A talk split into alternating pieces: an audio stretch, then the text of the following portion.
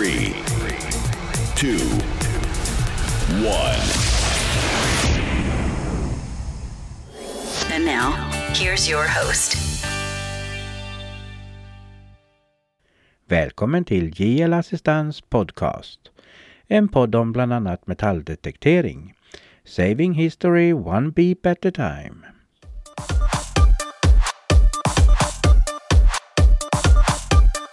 Apan är ju ett äggdjur.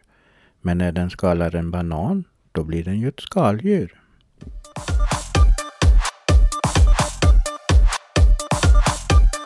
Detta avsnitt har lite blandat innehåll. Vi kommer i veckans avsnitt fortsätta prata om metalldetektering och funna skatter. Men även om skattletare som inte haft något tillstånd och som har åkt fast. En lyssnarfråga som kommit in kommer jag besvara här med ett längre inlägg i detta avsnitt. Frågan gäller den stundande grillsäsongen som snart börjar, så det blir ett mumsigt inslag.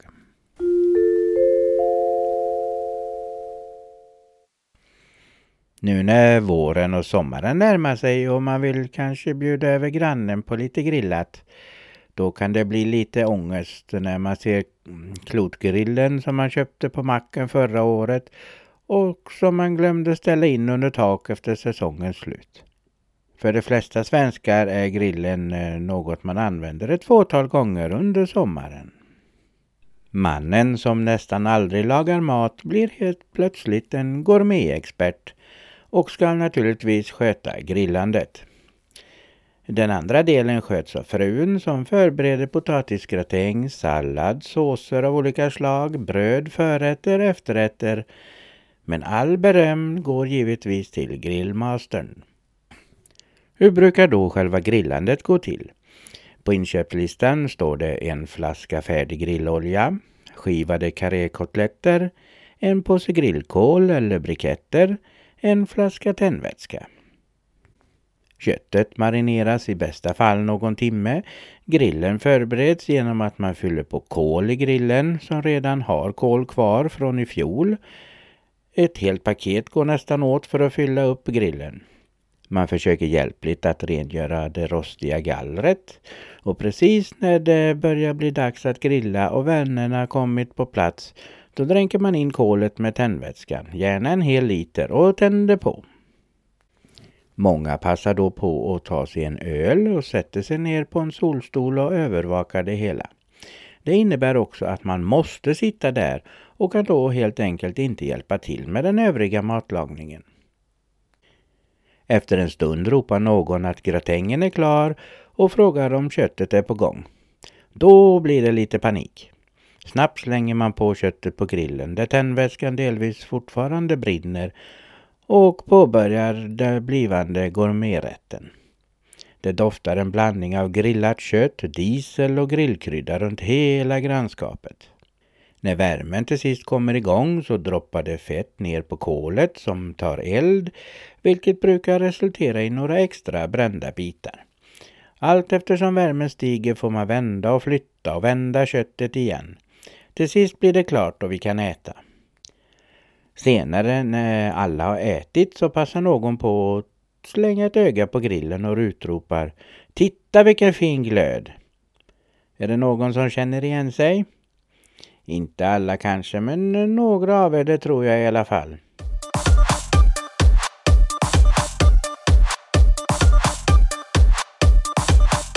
Allt fler börjar dock upptäcka att grilla inte bara är en grej, utan det är faktiskt ett sätt att laga mat. Grillen är en utmärkt extra ugn och ger många möjligheter att skapa nya spännande matupplevelser året runt. Om man pratar med en amerikan om att grilla eller om barbecue som de kallar det så är det något helt annat de ser framför sig än en rostig gammal klotgrill med karékotletter. För en amerikan är barbecue en helkväll kring grillen där man pratar om marinader, rubbing, glaze, provsmakar massa olika smårätter innan man kommer fram till huvudrätten. De kryddar med egna kryddblandningar som ofta innehåller farinsocker, vilket nästan helt saknas i våra kryddblandningar då sockret lätt bränns på det sättet som vi grillar. Om man följer några enkla råd så får man så mycket mer glädje av sin grill. Först av allt, köp en bra grill, inte bara den billigaste. För klotgrillar gäller det att köpa en större variant, gärna någon mellan 50 och 60 cm i diameter som underlättar att hålla jämn värme och ger möjlighet att grilla både direkt och indirekt. Det indirekta det är barbecue. För gasolgrillar är det likadant, inte alltför liten och helst inte med lavasten. De nya gasolgrillarna har med fördel brännare och grillgaller i gjutjärn. Gärna 3 till 4 brännare som underlättar om du vill grilla indirekt. Lär dig att ställa in grillen för indirekt grillning, det vill säga bara fylla halva grillytan med briketter eller kol så man får så att säga två värmezoner att jobba med. Och skaffa en grill med lock på. Det är väldigt viktigt, speciellt vid barbecue. Då är det nödvändigt att ha ett lock. Locket ger jämnare värme och släcker eventuellt lågor som kan uppstå. Tänk bara på att helt öppna ventilen i botten och helt öppna ventilen uppe på locket. I en gasolgrill så använder man en eller max två brännare om det finns tre eller fyra, vilket ger en yta där man kan lägga köttet eller dylikt för eftervärme. Så snart är det dags att damma av grillarna. Finns så mycket gott man kan laga till på dem. Bland annat hamburgare och pommes frites. De åren jag bodde i min husvagn så grillade jag faktiskt året runt. Ni som känner mig vet att snabbmat det är inte min grej. Att laga mat det får gärna ta lite tid. Men hamburgare och pommes frites det gillar nästan alla. Men gud vad trist det är att slänga djupfrysta isklumpar i en stekpanna eller bränna dem på någon grill. Trista sladdriga pommes frites på någon plåt i ugnen och sedan serveras allt i tråkigt bröd indränkt i ketchup. Ja, det är tyvärr så det brukar se ut när man blir bjuden på hamburgare på någon grillkväll. Lägg hellre ner lite tid på matlagningen. Men nu glömmer vi allt det där. Tänkte dela med mig lite av vad som brukar bli mina grillkvällars favoriter, nämligen Beer Can Burger.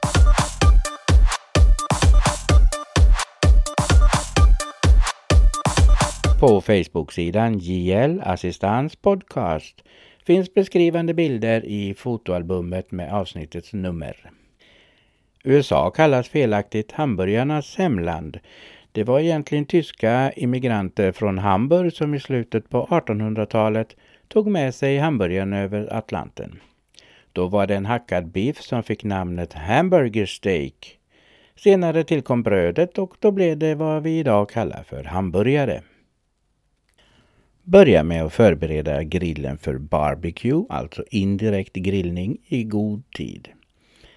Kom ihåg att du ska inte grilla utan det blir barbecue så en grill med lock det är nödvändigt. Börja med att forma bollar av nötkött. Inget blandfärstjafs utan det ska vara riktigt nötkött. Storleken beror lite på om du ska äta hamburgaren med bröd eller med pommes frites. Om du som jag ska ha den med hamburgerbröd så kan de inte vara alldeles för stora. Men ungefär som en tennisboll brukar bli lagom. Lägg bollarna på en skärbräda.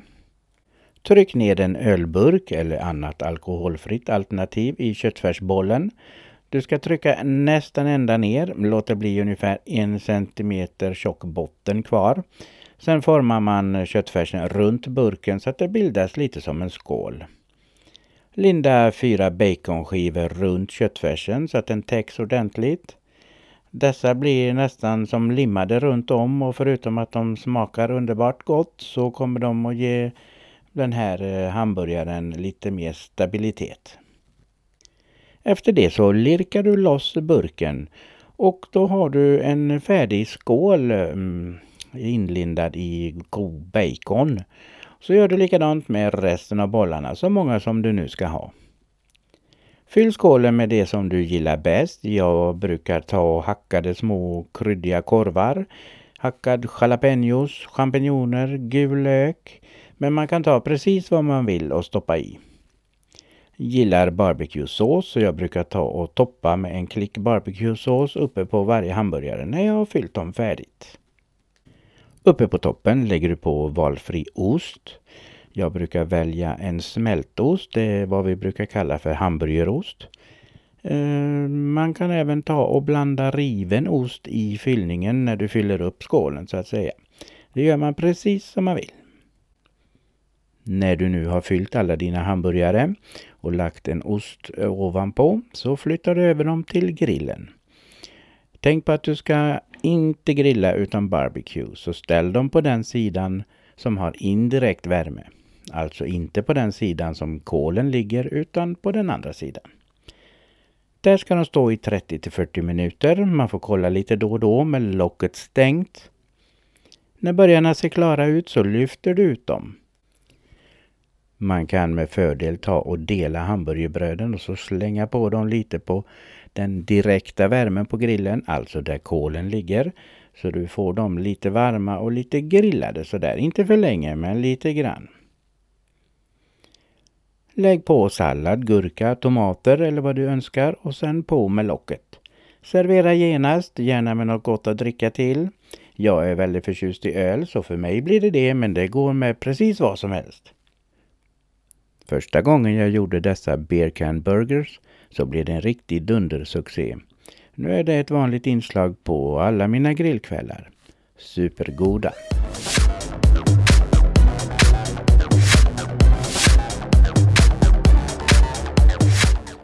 Amatörarkeologen Therese har hittat en stor vikingaskatt på Bornholm 2017. 98 mynt, smycken och andra silverföremål. Det är ett drömfynd, säger Therese. De tusen år gamla silversakerna låg bara cirka 20 centimeter under jorden. Therese från Århus har letat fornfynd med metalldetektor i 3-4 år. Det är lagligt på vissa villkor i Danmark men förbjudet i Sverige. Jag har varit intresserad av historia sedan jag var liten. Mina föräldrar släpade alltid med mig på museum, berättar hon. I mitten av oktober var Therese på en träff på Bornholm med ett dussin andra amatörarkeologer. Therese gick och sökte på en äng vid Österlärs, ett par kilometer från öns östkust. Stolphål visar att det har legat ett hus på platsen under vikingatiden. Therese säger att hon tror att de som bodde där då kan ha grävt ner sina dyrbarheter under golvet vid ett överfall eller liknande nödläge. Det är imponerande hur fint och välbevarat silvret är efter så många år i jorden, tycker hon. Man kan undra vad som hände med vikingen som inte kom tillbaka och hämtade sin skatt. Dog han i strid? Blev han sjuk? Eller glömde han vad det fanns? Therese har nu lämnat över hela sitt fynd till Bornholms museum. Men hon kommer få ekonomisk ersättning för det. Jag har alltid drömt om att hitta något i marken. En flintyxa eller något. Det här är ett drömfynd, säger Therese. Vikingaskatter är faktiskt inte så ovanliga på ön. 115 liknande fynd har gjorts genom åren. Det berättar arkeolog Anders Fil vid Bornholms museum. Antingen har vikingarna handlat här på Bornholm eller så har vi varit bra på att gå ut och stjäla det, säger Anders. Gotland är det enda ställe där fler vikingafynd har gjorts.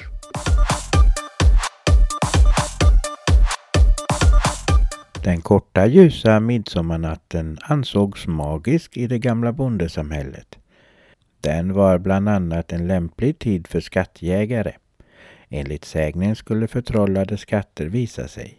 Det gällde då för skattjägarna att hålla sig tyst inför den spektakulära synen. Bröt jägaren mot tystnaden försvann skatten tillbaka ner i jorden igen.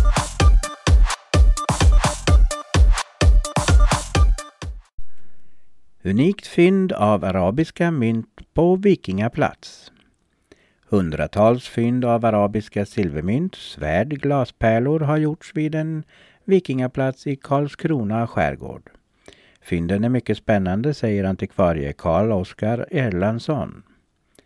Vikingaplatsen ligger på ön Öppenskär utanför Karlskrona och upptäcktes i september 2014 av en gravplundrare som undersökte marken med metalldetektor. Mannen fick dock eh, dåligt samvete och lämnade anonymt in flera fynd till Blekinge museum. Under 2015 har den rektangulära stensättningen börjat grävas fram. Bland fynden finns 300-400 fragment av arabiska silvermynt.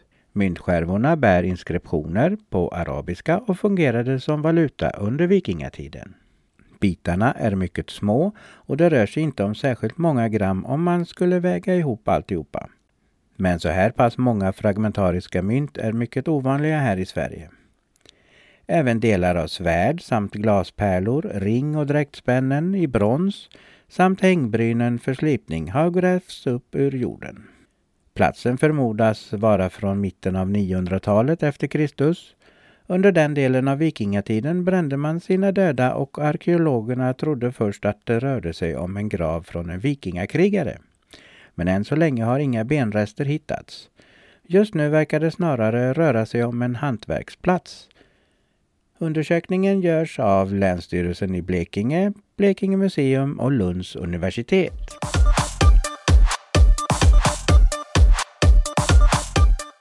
Plundrare greps vid en kyrka.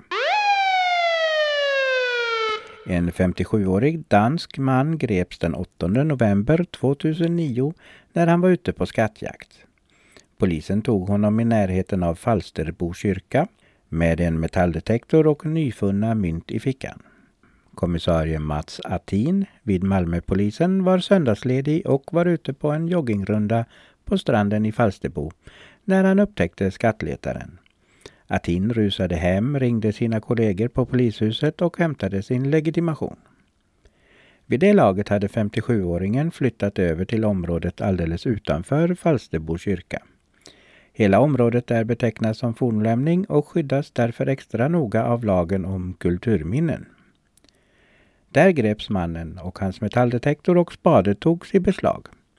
Han fick också lämna ifrån sig ett tiotal mynt som han hade hittat. Det är inga värdefulla mynt i och för sig, säger Mats Atin. Det handlar förmodligen om kopparmynt från 1800-talet.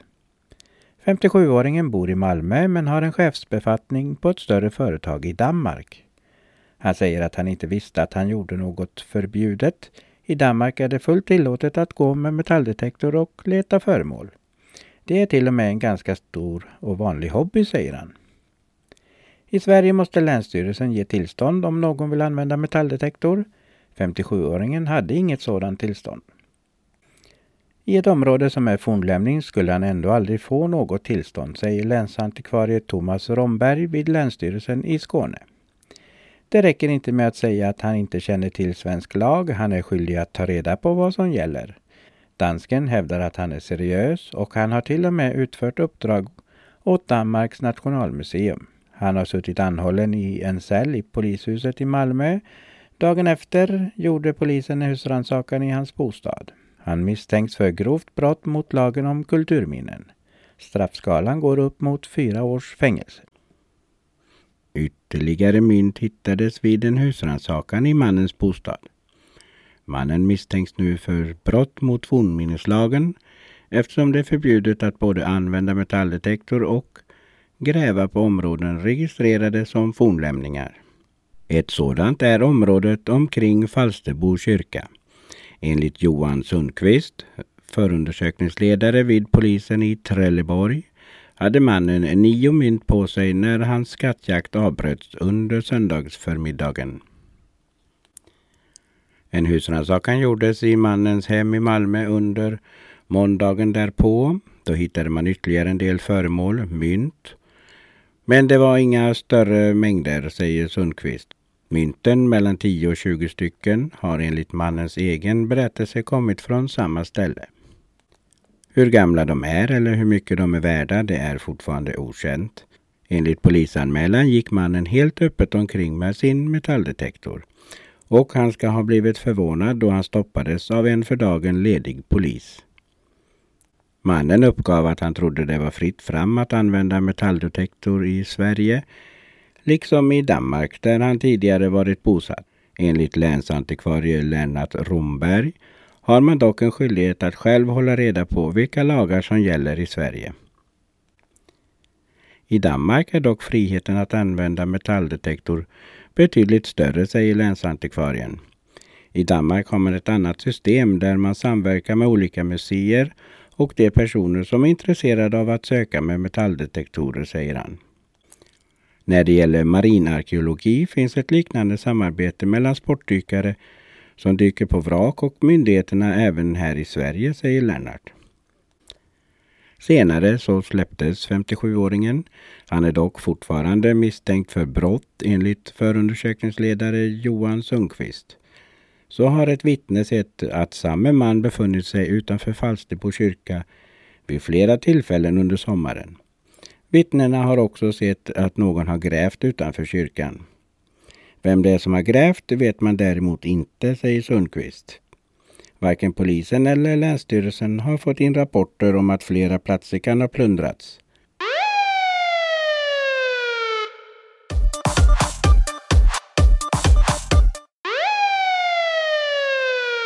Ett vittne uppmärksammade hur två personer använde metallsökare på Hjortahammar gravfält. Under påskhelgen 2017 sökte två personer olagligt igenom Hjortahammars gravfält med hjälp av metalldetektorer. Vittnet noterade också att deras bil hade utländska registreringsskyltar och ringde till polisen. När en patrull kom till platsen tog de två personer på bar gärning. Ingen av dem anhölls men uppgifter om namn och nationalitet togs. Men sedan hände inte mycket mer och Länsstyrelsen har vid flera tillfällen försökt få informationen ifrån polisen. Det har skett ett brott och vi blev lite handlingsförlamade eftersom eh, vi inte har kunnat agera efter det inträffade, säger Magnus Pettersson, kulturmiljöhandläggare på Länsstyrelsen. Att händelsen är allvarlig råder det ingen tvekan om eftersom de två personerna nu är misstänkta för brott mot kulturmiljölagen.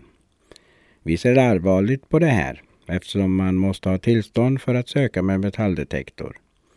Det enda jag har fått reda på så här långt är att polisen inte beslagtog någon utrustning när de kom till platsen. Månaderna har gått och Magnus Pettersson har inte kunnat få vidare upplysningar om ärendet. Men just det här fornminnesbrottet har hamnat på en av polisens specialenheter i Stockholm i väntan på utredning. När tidningen kontaktade förundersökningsledare Benny Butelrock väcktes ärendet på nytt. Jag har hittat ärendet här och redan i eftermiddag ska jag lämna över det till utredare, säger han. Det som kommer att hända nu enligt Benny är att de två personerna kommer att förhöras. Även om de nu befinner sig i Norge finns inga hinder för förhör, menar han. Vid sådana här brott är det ovanligt att vi hittar gärningsmännen, men nu har vi två stycken misstänkta personer. Varför anhölls de då inte? Poliserna som ingrep såg inga risker med att släppa dem. De bedömde att det inte heller fanns någon risk för flykt. Men är det då inte svårare att förhöra misstänkta som befinner sig i ett annat land? I vissa fall kan det vara svårt, men här har vi både namn och eh, andra uppgifter. Nu är de misstänkta för ett brott och vi får se vad förhören ger. Sommaren 2017 i Eskelhem på väg ner till hagen för att hämta hem korna gjorde Ingvar Nilsson sommarens stora skattfynd. Ingvar lämnade in fyndet till Gotlands museum och Länsstyrelsen åkte samma dag ut till platsen och bestämde på stående fot att Gotlands museum skulle göra en undersökning där. Totalt hittades 712 mynt med dateringar ifrån 970-talet till 1130-talet. Mer än hälften av mynten som hittades har tyskt ursprung. Men det finns dessutom över 100 engelska mynt men även arabiska, bysantinska, ungerska, svenska, skandinaviska, danska samt en romersk denar. Arkeolog Gunilla Nydolf har tillsammans med arkeologen Daniel Langhammer sökt igenom området med metallsökare. Först hittades 500 mynt som låg i kärlet och framkom i samband med upptäckten. 150 mynt och ett antal silverföremål har framkommit i samband med eftersökningen med metalldetektorn. Trots att skatten har flyttats med en stor grävare låg den ganska koncentrerat, säger Daniel. Jag trodde inte det skulle finnas några skatter här i den här marken, säger Ingvar och berättar att vägen för två år sedan, alltså 2010, fylldes på med grus eftersom den började bli sank. I fyllnadsgruset som flyttades fanns silverskatten. Den har alltså ursprungligen gömts på en annan plats och när den flyttades så hamnade den väldigt ytligt. Jag såg först två mynt och när jag började peta i marken hittade jag kanten till bronskärlet, säger Ingvar. Som genast kontaktade arkeologen Gunilla Nydolf efter att han hade gjort det här fantastiska fyndet. Skatten är förhållandevis ung. Yngsta myntet är präglat 1130. Det är ett spännande fynd. 1130 anses av många forskare vara brytningstiden mellan öns vikingatid och medeltid och bara tio år innan Gotland började med egen myntning. Vid fyndplatsen är nu undersökningarna i stort sett avslutade. Totalt väger skatten cirka 1,7 kilo. Ingvar Nilsson har hittelön att vänta. Någon avancerad metod för att genomsöka skatten det behövdes inte. Kenneth Jonsson, som är professor i numismatik, har översiktligt tittat igenom merparten av mynten. Riksantikvarieämbetet har nu, december 2017, beslutat att lösa in denna silverskatt. Gotlänningen som upptäckte skatten kommer att belönas med 397 000 kronor. Det är grejer det!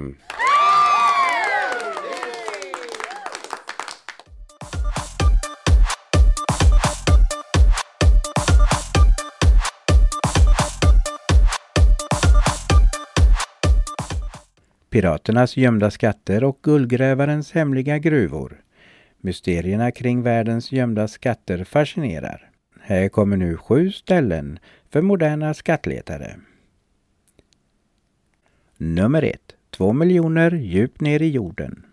På Oak Island utanför Nova Scotias kust i norra Kanada ligger enligt en gammal legend en stor skatt begravd. År 1795 sägs en ung man ha hittat en rund urgröpning i marken som var igenproppad med vedträn. Han grävde en bit ner men gjorde inga fynd. Det gjorde däremot hans efterföljare som uppgett att han har hittat en sten med en inskription som berättar att nästan motsvarande två miljoner brittiska pund ska ha begravts här. Letandet har fortsatt ända in i modern tid men ännu har ingen hittat denna skatt. Nummer två. Montezumas skatt. Ligger aztekernas kejsare Montezumas skatt nedgrävd på orten Kanab i amerikanska delstaten Utah. Det hävdas att den gömts här på 1500-talet av spanjorer som flydde undan erövringskriget i aztekernas rike, som låg i det nuvarande Mexiko. En man vid namn Freddie Crystal kom 1914 till orten Kanab och började leta och fann underjordiska gångar innan såväl han som hans kartor mystiskt gick upp i rök. När ett azteksmycke upptäcktes här 1998 tog letandet ny fart. Men ingen skatt har ännu hittats. 3. Piraternas favoritgömma.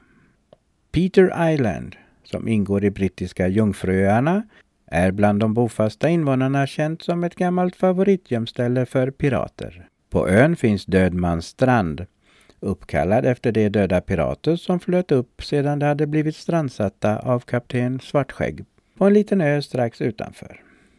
En annan legend lockar också skattletare hit. Två rivaliserande plantageägare sägs ha gömt stora förmögenheter nedgrävda på öns mark på 1800-talet. Nummer 4. Kapten Svartskäggs skatt. På tal om kapten Svartskägg så tillbringade han mycket tid på vattnen utanför amerikanska delstaten North Carolina. Hans skepp gick på grund utanför kusten här och mycket av inventarierna finns nu på ett lokalt sjöfartsmuseum. Men Svartskäggs skatt hittades aldrig. Experterna menar att det finns på ett av tre namngivna ställen på ön Ocracoke Island en liten bit ut i Atlanten från North Carolinas kust. Nummer 5. Guldträsket. En annan berömd pirat, Gene Lafitte, gillade att gömma sig med sina män i träskmarkerna i delstaten Louisiana. Främst längs kusten och runt sjön Lake Charles. Han sägs ha gömt en stor guldskatt någonstans i närheten av den sjön. Regionen rymmer gott om berättelser om upphittade guldmynt genom åren. Nummer 6. den försvunne holländarens guldgruva. En holländare, Jacob Waltz, sägs ha hittat en guldgruva i bergsområdet Superstition Mountains i amerikanska Arizona på 1800-talet. Men han höll uppgifterna om gruvans exakta läge hemligt och tog hemligheten med sig vid sin död 1891. Sedan dess har den ena lycksökaren efter den andra rest till dessa bergen i hopp om att hitta den försvunne holländarens gruva, som den numera kallas. Nummer 7. Förbundsarken. Arken, som rymde stentavlorna med de tio bud Gud gav Moses vid Sinai enligt Gamla testamentet, var en guldprydd träkista som försvann från Salomons tempel i Jerusalem när staden förstördes år 586. Vart arken tog vägen vet ingen med säkerhet. Men Etiopien är ett hett tips sedan mycket länge. Vissa hävdar att den finns där och förvaras i kyrkan Sion Mariam i staden Aksum, religiös huvudort inom den etiopiska ortodoxa kyrkan.